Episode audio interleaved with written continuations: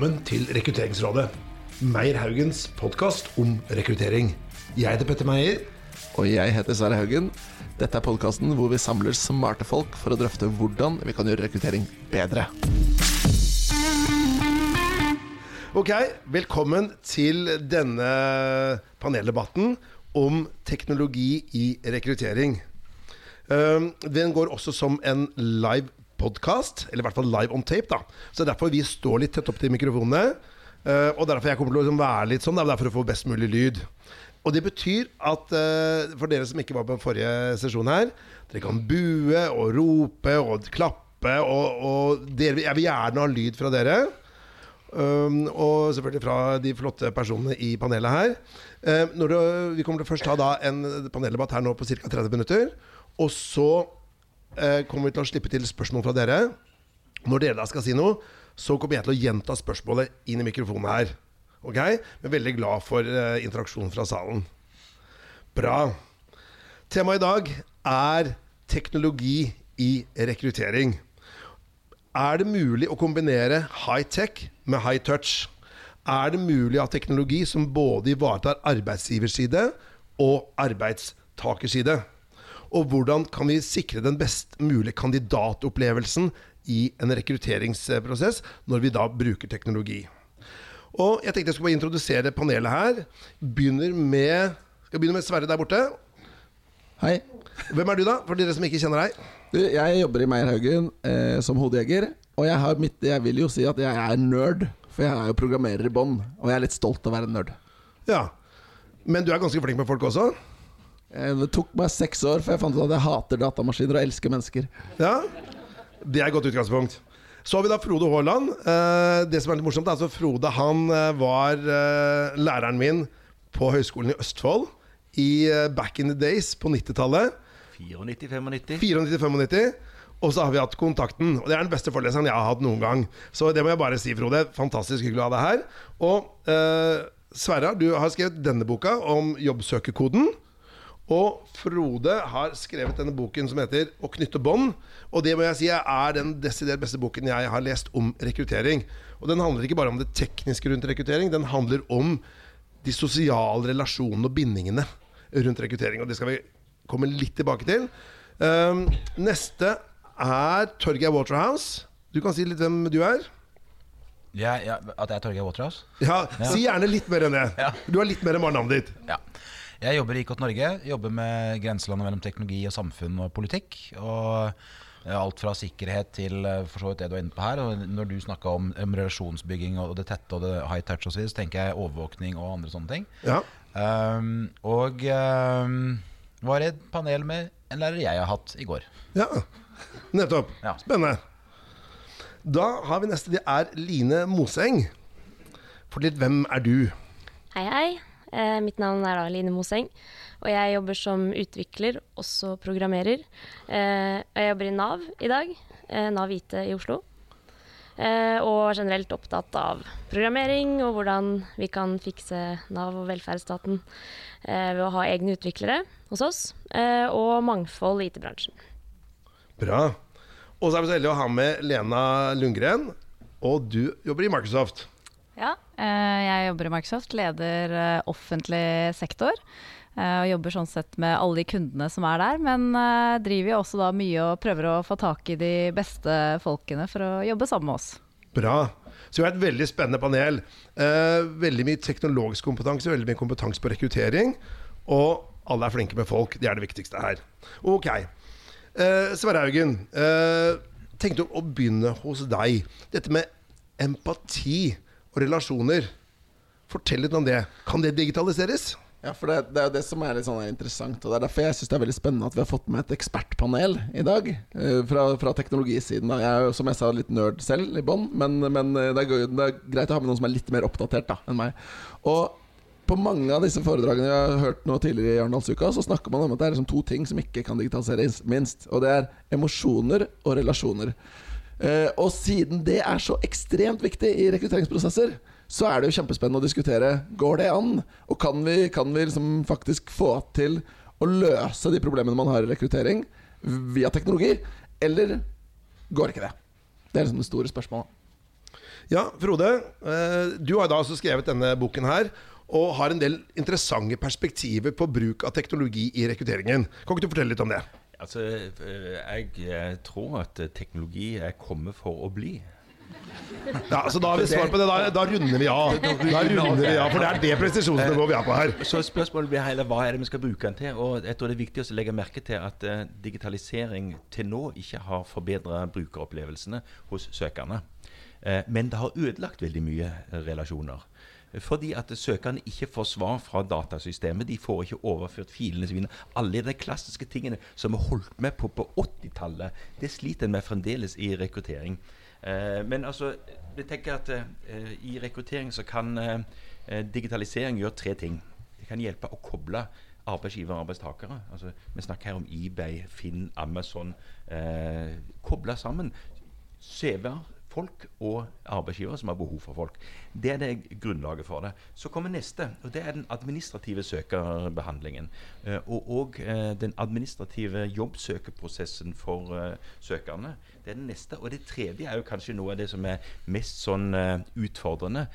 Kan vi få algoritmer som gjør en bedre jobb enn mennesker? Det er de tre hovedområdene som jeg ser, eh, ser for meg at uh, dette virker på, og kan virke på. Ja, Torgeir? Sverre Nei, Sverre. Jo, jo, men han sliter jeg med til hver dag, så jeg har lyst til å høre noen andre. Torgeir? Ja, for du har ikke slitt med meg? Det er i mindre grad. Ja. Bra. Uh, altså det, er, det er vel mer der at uh, dette handler ikke om teknologi kan eller ikke kan, det handler om teknologianvendelse.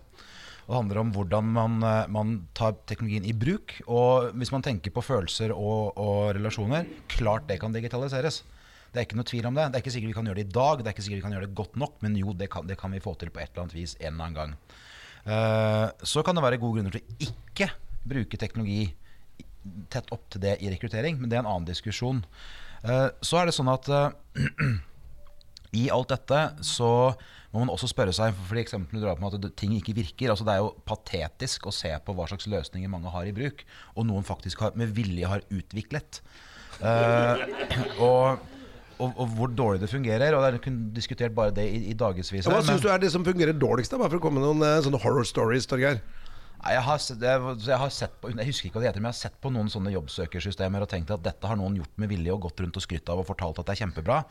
De fortjener sånn ordentlig De har fått sånn- penger for å ja, gjøre det. De, det, er, det er noen seilskuter der ute, de kan kjølhale de under de. Ja, nettopp. Men det, som, eh, det man alltid må spørre seg om da, når man skal ta i bruk et system og skal utvikle et system, det er hvem, hvem sine problemer skal dette systemet løse?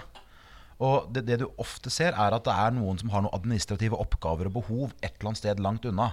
Og veldig ofte når du som bruker, om det er et system, om det er kommunikasjon med skolen eller med lege, eller du skal ha, prøve å få jobb et sted, så har man forsøkt å løse noens administrative behov. Ikke behovene du har som søker.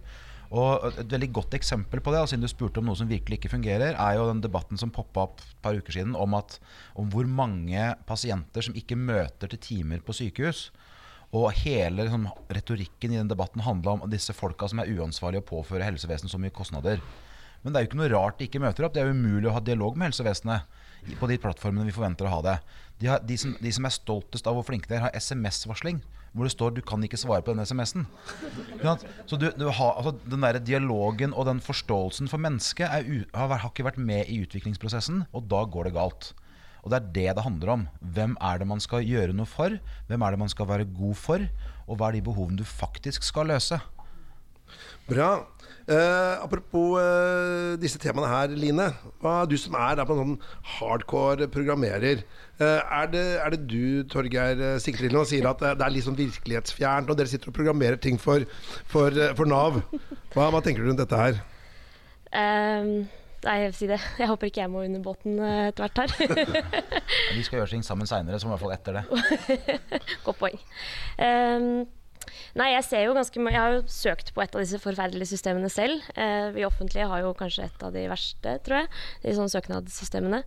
Og der er det jo et godt, eksempel på at du fyller ut ganske mye som du laster opp eh, i systemet, og så må du fylle ut manuelt allikevel. Ehm, fordi det ble ikke konvertert riktig eller et eller annet. Og så skal man på en måte støtte de moderne løsningene og de gamle løsningene, løsningene samtidig. Eh, og så blir det nesten verre enn at du fyller ut hele CV-en eller et eller annet samtidig. Eh, også sånn hvis du søker via f.eks. Finn, da, så trykker du 'søk her', og så må du allikevel fylle ut hva du søker på og sånne ting. Eh, en annen ting er jo det med på en måte eh, administrasjonen eller systemet trenger på en måte Vi har bestemt at vi skal vite dette her om søkerne. og det er jo om du kommer fra eh, Et eksempel på det er jo om du kommer fra minoritetsgrupper eh, som du blir spurt om. Eh, har du noen handikap? Kommer du fra noen andre minoritetsgrupper og sånne ting? Eh, og da er jo spørsmålet om vi i det hele tatt trenger å vite det i, så tidlig i fasen. Um, og så er jo det grunner til at det har blitt gjort sånn, men det er gammeldags, og må vi fortsatt gjøre det? Skal jeg bare få skyte inn en ting der i forhold til det, det for, hvor, som egentlig viser at Line er ikke skyldig her. Uh, I hvert fall ikke for alt. Men det, altså det, er, det, som ofte skjer når man skal gå til noe digitalt, er at man tar en prosess man har fra før, og så gir man den til utvikler, som beskriver den for utvikler. Du setter strøm på en gammel analog prosess? Ja, helt riktig. Og En veldig sånn tydelig og godt eksempel på det er jo dette, dette uh, uh, Nå må jeg hjelpe. NSB heter nå Vy. Vy. Vy. Uh, uh, de, første versjoner, de første versjonene av den appen de hadde, vi, så, så, kunne du selvfølgelig laste ned billetter og sånne ting. Og hvis du skulle laste ned månedskortet ditt på nytt, kanskje du hadde bytta telefon, eller telefonen var stjålet altså Av en eller annen grunn så trengte du å laste ned telefonen på nytt, så kicka det et gebyr på jeg tror det var 100 kroner. Og det er veldig logisk og fornuftig i en analog fysisk verden hvor du skal gå til en skranke og noen må jobbe for deg og finne en ting og slå opp i et system og sånne ting. Men det er ingen grunn til at det skal ha en kostnad i en digital verden. Men de har bare dratt med seg Det er sånn vi, gjorde, sånn vi alltid har gjort det. Og da, når utviklerne får, liksom, tvinges til å lage sånne løsninger som handler om det, så går det galt. Og så blir det gjerne kjefta på etterpå. Og så er det egentlig ikke utviklerne som er problemet. Bra. Du, Lena. Eh, du representerer da en veldig anerkjent eh, bedrift eh, som mange har mye meninger om, da, Microsoft. Kan ikke Du fortelle litt, du jobber jo opp mot public sector. Kan ikke du fortelle litt sånn hva um, Dette er to spørsmål. Det ene er hvis man da skal søke på jobb hos dere, har dere en digital plattform for å ta imot jobbsøkere? Det er første spørsmålet. Skal du få andre etterpå. Uh, ja, det har vi jo. Vi um eier jo dette bitte lille selskapet som heter LinkedIn. Ja, ikke sant? Som eh, flere har hørt om her. Ja, Så det er klart at eh, alle våre stillinger er uh, tilgjengelige der. Men vi har også vår eget interne system hvor du kan søke. Og, og, litt av hovedgrunnen for det, sånn kanskje hvis vi skal snakke om den, hvordan å på en måte finne jobber, så er vi jo opptatt av at det skal være et globalt arbeidsmarked, så du virkelig kan finne den riktige ja. kompetansen som vi trenger. Så disse stillingene er jo alltid tilgjengelig i globalt, og du vil på en måte Uh, alt, nesten alltid, uansett stilling, kunne jobbe på engelsk i Microsoft. sånn ja. Derfor er det viktig for oss å ha de tilgjengelige. Men en ting, altså uh, LinkedIn, jeg Som rekruttør bruker jeg jo LinkedIn hver eneste dag. Og da popper det opp ofte sånn der Denne jobben kan være perfekt for deg. Uh, og så tenker jeg at Uh, LinkedIn er jo uh, en milliard, multimilliardbedrift. Og jeg tipper at der er det veldig mye teknologer som sitter med matchingteknologi og passer på at min kompetanse og potensielle jobber blir matcha så positivt som mulig. Og, og, mange ganger så kan det være relevante ting som popper opp, men jeg syns den treffprosenten er relativt lav. Eh, for jeg har fått tilbud om å bli både sånn accountant, og de som vet hvor mattekunnskapene mine, de er ekstremt dårlige. Eh, og så Jeg får tilbud om ting som jeg selv ikke syns er så presist. Altså tenker at dette er det beste i verden. Hva tenker du rundt akkurat det? Ja, det kan hende det LinkedIn vet noe om deg du ikke vet selv, vet du. Ja, du kanskje, ja, du, de, de, I så fall så er jeg rakettforsker. ja. Jeg, jeg tror, hvis jeg kan trekke det litt opp da, for ja. jeg tenker det sier noe om liksom, området rekruttering og det å skaffe de riktige folkene og hvordan bruke teknologi. Eh, når Microsoft kjøpte LinkedIn for en fem års tid siden, eh, så hadde vi bare kjøpt selskaper for én grunn, og det var for å kjøpe IP, kode. Mm. Vi trengte rett og slett kode og andre løsninger. Mm. Dette var første gangen vi gikk til investering av egentlig et nettverk. For det er jo mm. det det er. Eh, og det er jo ikke noe ikke sant, det, å lage, link- det er ikke noe vanskelig å lage LinkedIn en gang til. Uh, litt beskjedent. Uh, Her er en forretningsidé hvis noen har lyst på. Men det er jo egentlig ikke en vanskelig Du trenger bare 8 milliarder CV-er. ja, Men ikke sant, det er det du trenger. For selve den teknologiske løsningen er jo ikke vanskelig. Nei. Så på en måte det sier liksom noe om LinkedIn, men nå har LinkedIn 500 millioner brukere. Eh, og det som, uh, hvis dere googler dette, da, så er det, eller binger det, som vi liker å si i Microsoft, Uh, så er det jo noe der som heter the knowledge graph. For det hjelper ikke bare å ha data, og det er kjempeviktig. Du trenger på en måte å knytte de dataene sammen for å se de sammenhengene. Og det er jo det som skjer. Og noen ganger så treffer det bra, andre ganger så treffer det mindre bra. Ikke sant? Og det kan jo hende at du eh, roter rundt på mange forskjellige stillinger, så den blir sikkert litt confused hva du egentlig holder på med. Ja, for det kan godt hende. At Ja. jeg søker på mye uh, mye folk, rart. da. Ja, ja. Så, men sånn eh, generelt så, så er det jo en innholdsplattform som tenker ikke bare liksom å finne jobber, men eh, det er jo også masse treningsmateriale som ønsker å skaffe deg kompetanse. Så det handler egentlig om hele liksom, det nye arbeidslivet og hvordan man ønsker å understøtte det. da. ja nettopp. Ok, det var uh, okay, bare for å ja, legge okay. til en ting her. Du, da, dette vet du skjer gang på gang. Uh, Hva, hva, hva sikter du til da, Torgeir? at jeg mener noe. Ja, ja, ja, ok. Ja. Um, det er et veldig, et veldig godt eksempel på akkurat dette. Ja. Uh, fordi det handler jo om data. Og uh, Nå husker jeg ikke om det var i fjor eller forrige fjor, men da, da kutta Amazon ut et system de hadde som de brukte rekruttering, som var AI, et AI-system. AI, da. Artificial Ja, eller eller kunstig intelligens på norsk. Ja. Noen vil kalle det KI, men det blir bare kaos. Ja. Uh, det, de, det de oppdaget, og det de syntes var litt rart, var at dette systemet, når det foreslo kandidater basert på CV-er og søknader og, og, og mye forskjellig datagrunnlag, så foreslo det bare menn. Og det, dette mente de måtte være en feil i systemet.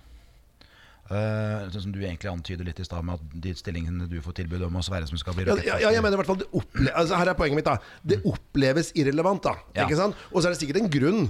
For Det er ikke for å være kjip, liksom. Nei, nå- men, det er liksom men- bare en, at jeg opplever det ikke så brukervennlig. da Det var mitt ja, poeng. Ja, og det, det er helt tydelig. Og, og poenget mitt er at ofte så handler det om datagrunnlaget. Og det er det du egentlig sier også. Hvilket grunnlag går inn i det. Og hos Amazon, så når de begynte å nøste dette og finne ut hvorfor, gikk, hvorfor, hvorfor er det bare menn som blir foreslått som kandidater, så viser det seg at det systemet også hadde gjort, det var å se på Amazon sin, dette, dette tekniske stillinger, sett på Amazon sin ansettelseshistorikk, og lært at Amazon foretrekker menn. Vi vil ikke ha damer, så da bare skyfler vi de ut, uavhengig av hva som står på CV-en og alt annet. Så, så det Ryddig tilnærming. ja, det er, da har du i hvert fall halvparten bort. Lettere å velge Ja, ut. Eh, så, så i veldig mange sammenhenger så handler dette om, om det faktiske datagrunnlaget, og som også ble sagt her, og det handler om læring underveis. Og veldig ofte så snakker vi om disse systemene som de er nærmest er utprøvd og gjennomtenkt og liksom har en, hatt en utviklingshistorie bak seg som bilen har. Mens i realiteten så er vi veldig ofte på de helt, bilen, de helt første bilene, hvor man gjør mye utforskning og utprøvning, og det er langt frem at ting er så det vi vil oppfatte som perfekt. Hvor du alltid får en, en treffrate som du, du syns ikke er irriterende. Ja. Var det Hinta du til at, uh, at Lena vil gjerne si noe? Lena vil si noe. Ja. Lov til å gå først? Veldig høflig av deg, Sara. Uh, jeg tenker eh, Kanskje hvis dere skal huske én ting av det jeg sier i dag, da, så kommer det nå. Vi tar det litt sånn tidlig mens dere fortsatt er uh, freshe. Fordi uh, dette med data inn, og at det kan gi et helt feil bilde, sånn som uh, Torgeir nå snakket om, det er én ting. Men vi også, som personer, vi har ganske mange det vi kaller unconscious bias. Vi har noen forestillinger. Vi går inn i en situasjon med den læringen, den erfaringen vi har. Og jeg tror at det påvirker rekrutteringsprosessen ganske mye. Og dette er jo det vi har snakket om. Det har vært på masse av disse likestillingsdebattene som går her. Man snakker om glasstak, man snakker om andre ting. Men dette er på en måte vårt mindset. Vi har en eller annen erfaring. Vi kan ikke ta vekk det. Vi har en erfaring når vi går inn i en situasjon. Så det vi faktisk kunne fått til, da, hvis vi får riktig data inn i disse systemene, og disse algoritmene, så de faktisk lærer seg de riktige tingene, så kan de faktisk ta vekk de biasene som vi mennesker har. Kanskje de faktisk kan bli bedre til å finne den riktige kandidaten, basert på de erfaringene den kandidaten har. Så det tenker jeg, hvis man greier å snu det den veien der, så tenker jeg det er en utrolig spennende mulighet, og som åpner for at mennesker med andre bakgrunner, eh, med andre tilnærminger, kan komme inn, og at vi kanskje får den uh, diversityen Gud, man kan ikke snakke norsk lenger, vært i Microsoft. Den uh, diversiteten man trenger uh, inn i grupper og team. Fordi det arbeidslivet vi møter, kommer til å trenge mye mer forskjellige holdninger og kompetanse for å være konkurransekraftig. Så jeg tenker det er en enorm mulighet som ligger der. Men jeg er veldig teknologioptimist, Ja, da. men mener du, mener du det, Lena? At, for, ikke sant? En ting er da at man får en sånn en, ehm, en utvelgelse av personer da, som er basert på mer objektive kriterier. Ikke sant? Ja. Men, men så tolker jeg det litt Det kan bare være feil, da, men tolker jeg det dit hen altså at, at det kan også, du kan få tilbud om jobber. Du kan også bli eksponert for jobber som for eksempel, på en arbeidsgiver kan jo være fordomsfull. Ja. Men jeg er også veldig fordomsfull i hvilke jobber jeg tror Ja. jeg passer til. Ja. Det er mange ting, Jeg vil ikke jobbe der, jeg vil ikke jobbe der, jeg vil ikke jobbe der, men der kan jeg ha lyst til å jobbe. Men en sånn unbiased eller, øh, sak kan gjøre at jeg blir eksponert for jobber som jeg egentlig burde trives med, men en eller annen fordommer jeg har på den arbeidsgiveren, kan fjernes gjennom et sånt system. Ja, det tenker jeg. Det går egentlig begge, begge veier. Og hvis vi trekker det enda et skritt lenger, kanskje også kunstig intelligens kunne hjelpe oss å tenke hvilken type kompetanse er det vi trenger her? For Ja. vi går jo inn og vurderer det med noen bias òg. Hvis jeg har et team, og så tenker jeg her trenger jeg en person til. Innen dette teamet kunne typisk passe en sånn og sånn person. Men kanskje ikke det er en sånn og sånn person. Kanskje det er min bias som gjør at jeg tenker det. Ja, så er det noen veldig spennende muligheter i forhold til å kunne sette sammen team og grupper og bedrifter med den kompetansen man trenger, uten at man har alle disse fordommene Ja, ja. og læringene som man har med seg. Line var først, og så var det Frode. Ja, altså, Eh, jeg, tenker, jeg er jo veldig enig i det du sier. Og så tenker jeg for å komme dit at vi lager disse datasettene og algoritmene som skal anbefale kandidater eller jobber osv., så, videre, så er det også viktig at vi Det er litt sånn høna og egg, egentlig, men jeg tror vi da for å komme dit må ha ganske mangfoldige team også fra før av for å lage de riktige algoritmene og datasettene og liksom komme seg dit at vi eh, ser de mulighetene allerede nå, da. Men det er jo sånn som Torgeir også prater om, at eh, vi er på en måte på den første bilen nesten nå. Ja. Eh, Frode? Det som eh, nå blir diskutert, er jo er det mulig å få til noe kunstig intelligens til at arbeidsgiver kan velge arbeidssøker. Jeg vil bare minne om at arbeidssøkere òg skal velge arbeidsgiver. Den biologiske intelligensen gjør, gjør, gjør du ingenting med. Altså med arbeidsgiver, 44% av arbeidsgiverne velger eh, sø blant søkerne på basis av magefølelsen. Det betyr antakeligvis at det har kommet mer av den magefølelsen etter hvert, vil jeg tro. Eh, eh, og det er klart at du kan korrigere for, for det med magefølelse antageligvis etter hvert med, med den kunstige intelligensen. Men det har altså ingen interesse eh, for rekruttering hvis jobbsøkerne ikke har lyst til å jobbe hos deg. Problemet med all teknologi, digitalisering, er hvis du jager ut kontakten mellom menneskene. Jage ut, eh, drive ut det trollet som heter medmenneskelighet, tillit. Eh, lyst på hverandre. Jeg har lyst til å jobbe sammen med disse folka. Han sjefen der, han inspirerer meg. Han har jeg lyst til å jobbe for. Det er derfor jeg skal jobbe her. Det kan ikke algoritmene gjøre noe med. Sverre? Men, men det er ikke noe tvil om at tech Vi har snakket litt om hva som finnes sånn, men det som kommer av tech osv. Masse ting kan løses. De kan løses for arbeidsgivere, og det kan løses for kandidater. Men i dag, det å navigere i jobbmarkedet, det er vanskelig for arbeidsgivere å finne, å finne kandidater. Og det er vanskelig for de som søker jobb, å finne jobber. Det som er litt av grunnen til at det fremdeles er vanskelig at ikke teknologi har hjulpet oss med det, det er jo at vi er så veldig opptatt av disse harde kriteriene, fordi de er lett å putte i et datasett. Har du en utdanning? Har du gode karakterer? Har du en IQ-score? Det er lett å kvantifisere. Det kan dere tech guys leke dere med. Men det spørsmålet mitt til teknologipanelet er hvorfor har vi ikke blitt bedre på å løse de myke tingene som skal til for å lykkes og trives i en jobb via teknologi? Ja. Kanskje vi skal begynne med Snapchat-filtre på jobbsøkere, for det er jo litt sånn human eh, Ja, for Da kan i hvert fall få vekk denne brekestemmen til Sverre akkurat nå. Det kunne vært en fordel. Du kan ikke komme i intervju og høres sånn ut. Så det hadde men vært en fordel for deg, syns jeg. Ja, og da refter det Line akkurat sa om filter. Det er veldig enkelt å ha lydfilter, så du kan, eh, du kan justere det. Alt det fikser vi på etterpå. Så, så hvis uh, en kandidat vil ha jobbe for en sånn person, så får du den stemmen, og hvis du og så videre. Så, så, så det er ikke noe stress. Men jeg tror svaret på det Sverre spør om, er jo egentlig de som bruker penger på systemer, de som bestiller systemer, de har fokus på hvordan de gjør det. Det folk gjerne vil ha. altså er, jo- Internett er fullt av sitater som overhodet aldri har blitt sagt av den som hevdes å ha sitert dem. Jeg har sitert fra, og Henry Ford skal visstnok ha sagt at eh, jeg, spurte ikke, jeg ville ikke spørre folk om hva de ville ha, for da ville de spurt en ras svart en raskere hest. Eh, og Det er litt av den utfordringen vi har. At man lager systemer som vi snakket om i sted, for å replikere det man gjør analogt. Og som du, som du er inne på? Man, man la, har ikke laget systemer for å se hva er det som egentlig skal foregå her. Hvem er det som egentlig trenger hjelp? Og, og veldig ofte så lager man også systemer for å befeste roller. Og for å ha, sånn at, så man må ta et par steg tilbake og si ok, hva er denne rekrutteringsprosessen? Hva, hva ser den ut som? Hva skal den være? Hvilke verdier ligger i den for de involverte? Så du, så du sier at det er mulig?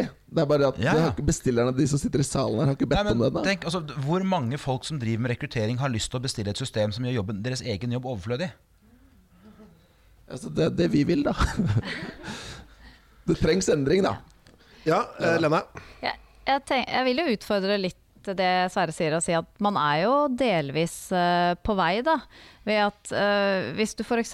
på LinkedIn, så vil den jo også samle inn informasjon om deg hvis du går og gjør noe læring, uh, hvis du på en måte de interessene du har. Så den vil jo gå videre og gjøre ganske smarte analyser på friteksten du skriver, ikke bare disse boksene du fyller inn. Så jeg tenker at vi er på på vei dit. Men jeg tenker selv om jeg er veldig teknologioptimist, så tenker jeg også det er jo ikke sikkert at det er den delen av rekrutteringsprosessen som på en måte vi skal bruke teknologi til. Det er jo liksom virkelig kjernespørsmålet.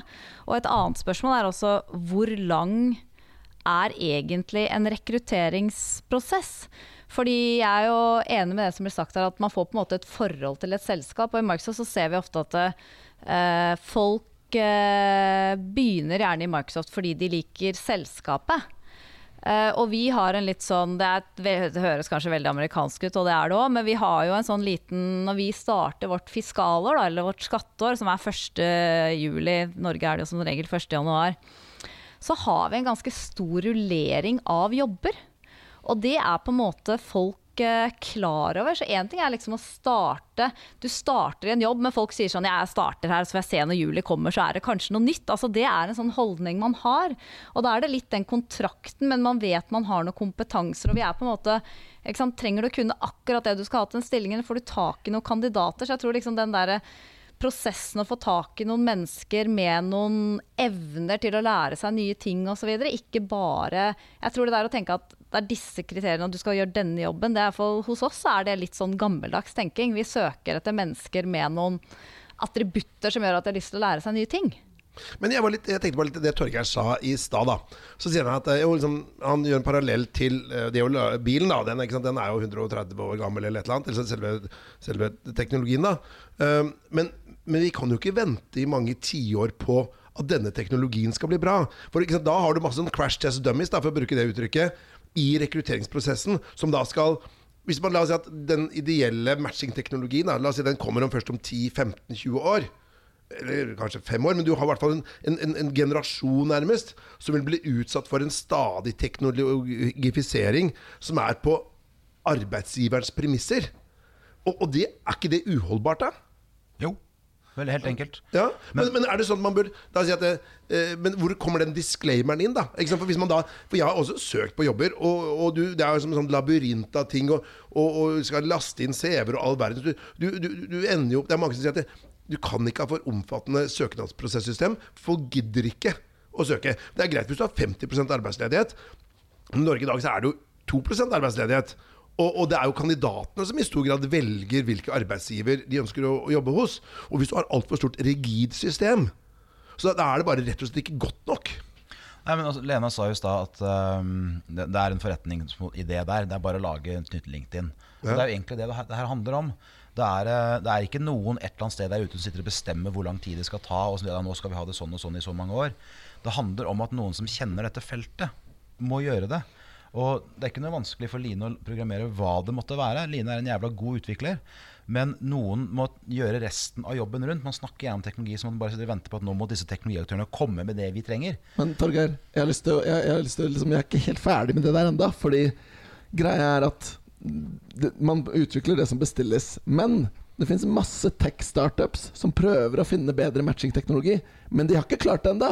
Og behovet er der. Jeg er ikke helt enig i deg at liksom, om det er riktig. For jeg mener, hadde du løst det, så hadde du løst mye bra både for arbeidsgivere og jobbsøkere. Men fins det ikke noe annet? Vi snakker om datasett og maskinlæring. Fins det ikke noe neura, neurale nettverk eller noen fancy tech-tanger som kan fikse det lettere, da? Jo, men jeg er helt sikker på at Tinder kommer til å lansere en rekrutteringsplattform snart. Altså det, er, det, er, men det handler om at man må lære på tvers av sektorer. Man tar i bruk teknologien, det er der. Men noen må gå inn i dette med, med ekte passion og si vi skal knekke den koden, vi skal lage det systemet som kommer til å ta verden osv. Uh, og uh, mitt poeng med å peke på Line og si at hun er en jævla god utvikler som kan utvikle hva som helst, er at uh, i den prosessen og, og Lena har snakka om team. Du må ha, du må ha folk som, som, deg og Petter, som, som, som, skjønner dette her. Du må ha folk som Frode, som kan minne på hele tiden at hei, det er noen som skal ansettes. Det er det som er det viktige mennesket her. Uh, og så må man lage systemer ut fra det. Og så må man ut av siloene sine og tenke at ok, greit, vi finner masse data om folk, og vi kan bruke LinkedIn til mye. Men hvis vi skal tenke på hele mennesket, så må vi kanskje se etter data som kan gjøre, gjøre grunn for læring, analyser og matching andre steder også. Men prøv å innføre på Tinder en, en checkbox hvor, eh, hvor, det står Er det greit at uh, disse dataene brukes av arbeidsgivere som finner kandidater? Så, så det, er, det, handler mye om det også. Men, uh, og, og, du snakka om et ideelt system, Petter. Du snakka om når kommer det. Poenget er at det er en kontinuerlig prosess. Så vi kan ha et system i år som vi syns er verdens beste, det er helt perfekt.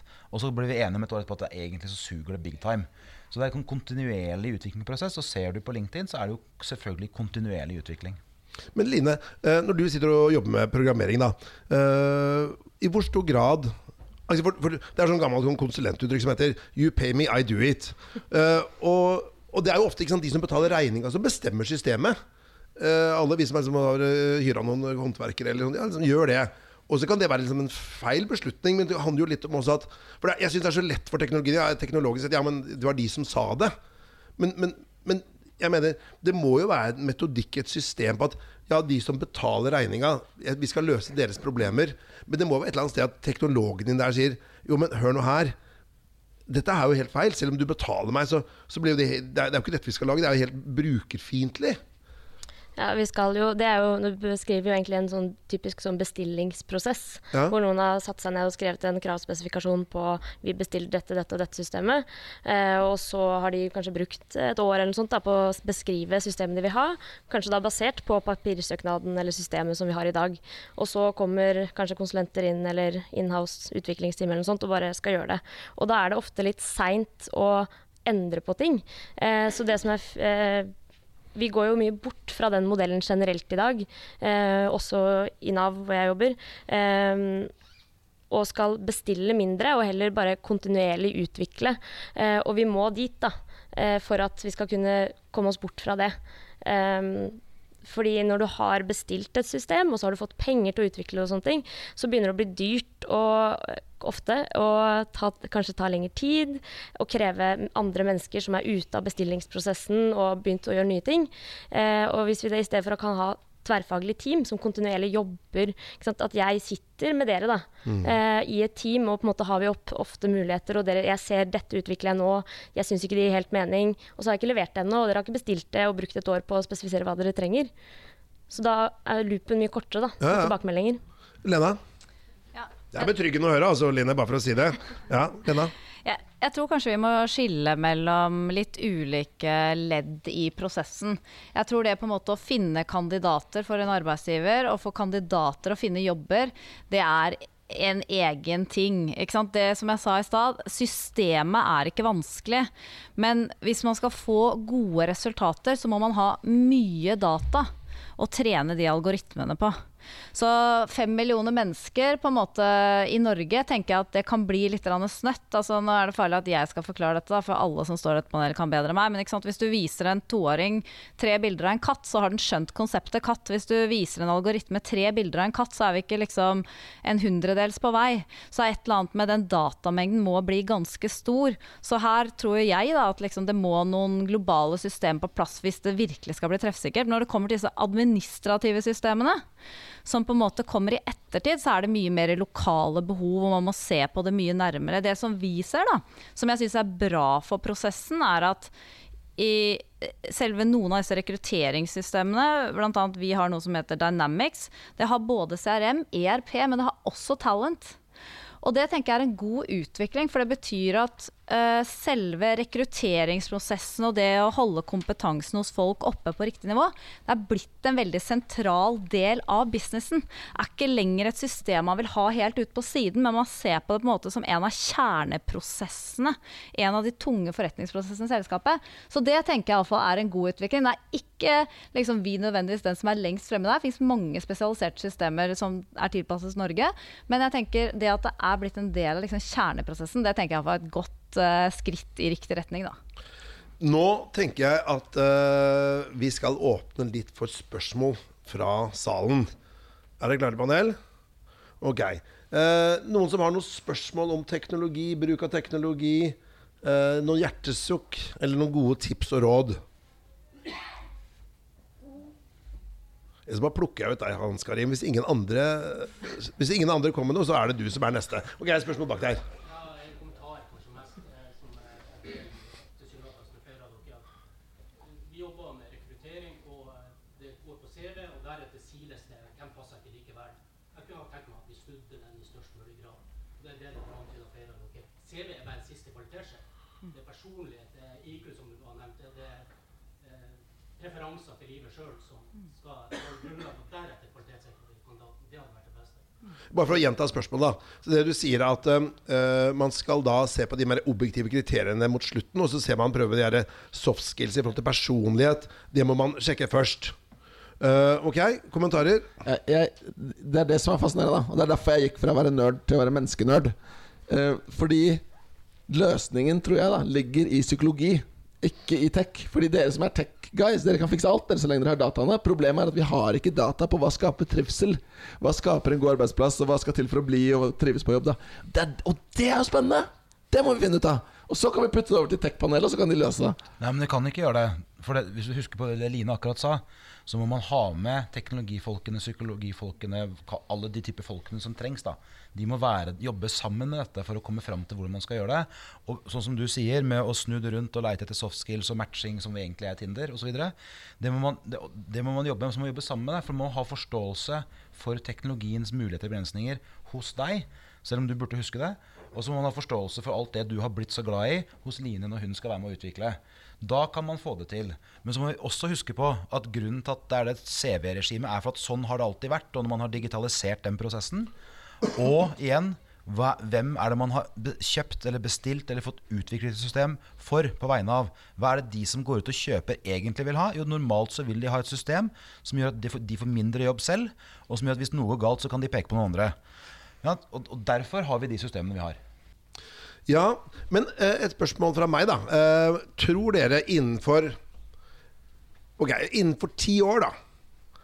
Eh, innen ti år, tror du det går an at en form for software robot er som dumt, da, men en eller annen form for et system som kan velge ut den perfekte kandidaten uten noen form for menneskelig kontakt.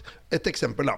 Eksempel DNB, da. De har jo da innført, nå for et par år siden at eh, lån inntil en viss sum blir ikke behandlet av noen form for kredittkomité. Det, det, altså, det er maskinelt. De bare går inn på liksom, algoritmer og bare ser på liksom, bakgrunnsdataene dine. Får du lån, for det ikke. Det er ikke innom noen mennesker. Kan man tenke det samme innen rekruttering? da? At man da, en eller annen form for software, et program, bare går ut på la oss si LinkedIn eller på, liksom, og bare skanner personer, og så pga. en hel haug med, med variabler, så finner du dette er den perfekte personen. Uten noe, og, du får jobben uten noen form for menneskelig interaksjon innen ti år. Tror du det? Hva tror du, Frode Haaland? Nei. Nei. Hva Nei, tror du, uh, Torgeir? Jeg håper, håper at vi får systemer som uh, gir folk svar innenfor rimelig tid. De får svar innen ti år, det skal de få.